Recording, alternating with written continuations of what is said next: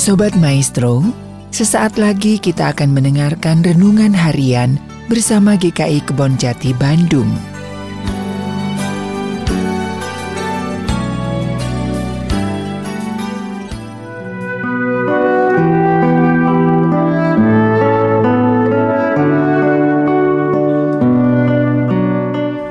Halo, kita ketemu kembali dalam renungan harian GKI Kebon Jati. Bahan yang akan kita renungkan terambil dari 1 Korintus pasal yang ke-11 ayat yang ke-20 sampai dengan ayat yang ke-26. Demikian bunyinya. Apabila kamu berkumpul, kamu bukanlah berkumpul untuk makan perjamuan kuda, perjamuan Tuhan. Sebab pada perjamuan itu tiap-tiap orang memakan dahulu makanannya sendiri, sehingga yang seorang lapar dan yang lain mabuk. Apakah kamu tidak mempunyai rumah sendiri untuk makan dan minum?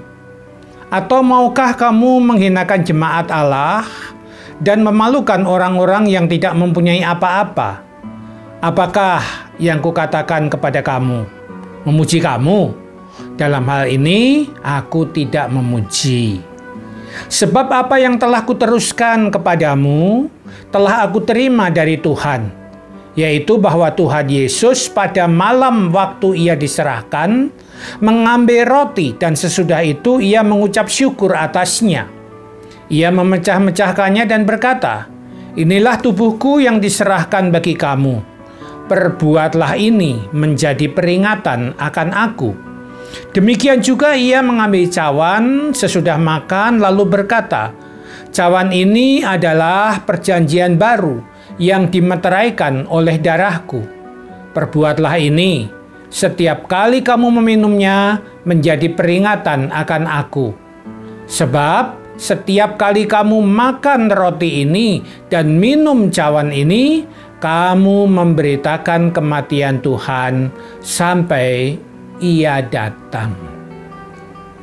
Jemaat yang dikasihi oleh Tuhan Yesus Kristus, kita adalah orang-orang yang disebut sebagai pengikut Tuhan. Kita juga biasa disebut sebagai murid-murid Tuhan. Apa arti istilah pengikut atau murid-murid? Pengikut atau murid-murid mestinya mempunyai gaya hidup, yaitu mengikuti yang diikuti.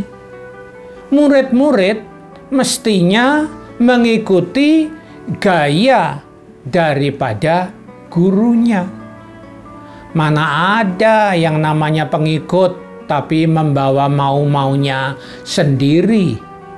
Mana ada yang namanya disebut murid tetapi tidak pernah mengikuti apa yang diajarkan gurunya. Nah, apa hubungannya istilah pengikut dan murid ini dengan bacaan kita pada saat ini? Di dalam bacaan kita diceritakan bagaimana gaya hidup Tuhan Yesus itu. Kalau kita perhatikan dari ayat yang ke 23 sampai 26, maka kita tahu bahwa gaya hidup Yesus adalah dia menyerahkan dirinya. Dia berkorban dia memberikan segala-galanya untuk kita, umat manusia, demi keselamatan kita. Nah, itu gaya hidup Yesus. Dia memberi, memberi, dan memberi.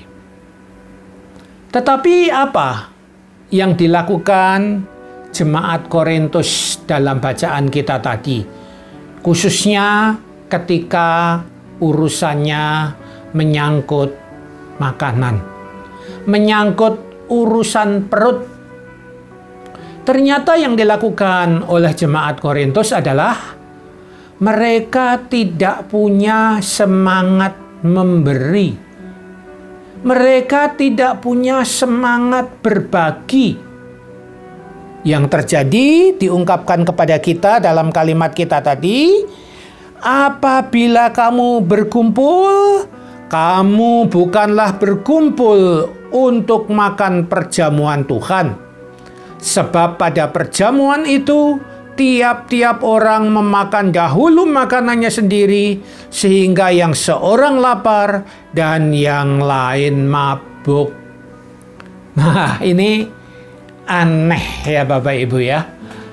Tuhan, guru, Tuhan kita Yesus Kristus memberi teladan yaitu memberikan segala-galanya buat kita, pengikut dan murid-muridnya.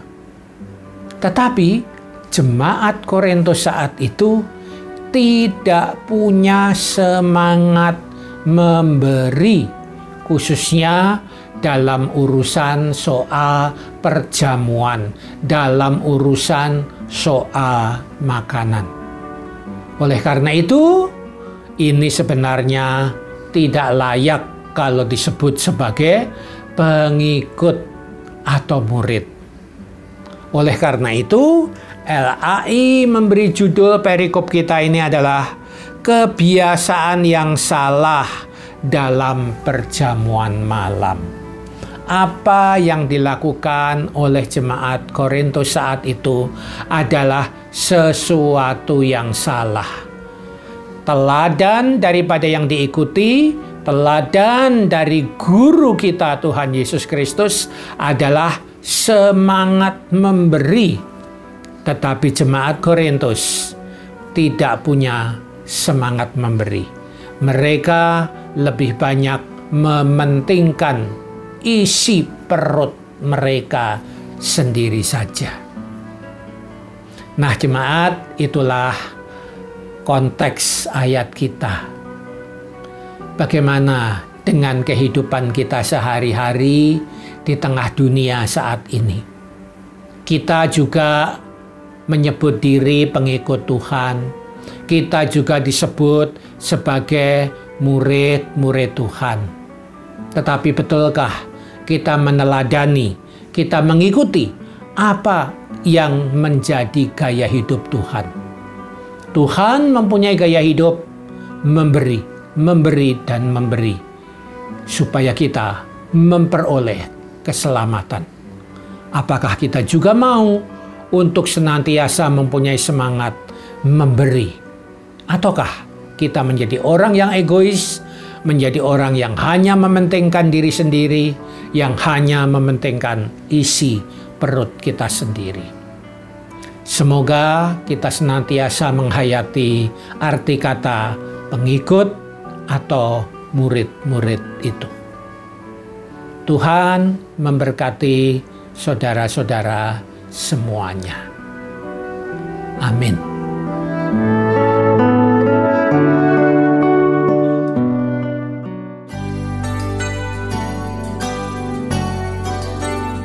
Sobat Maestro, baru saja Anda mendengarkan renungan harian bersama GKI Kebon Jati Bandung. Tuhan Yesus memberkati.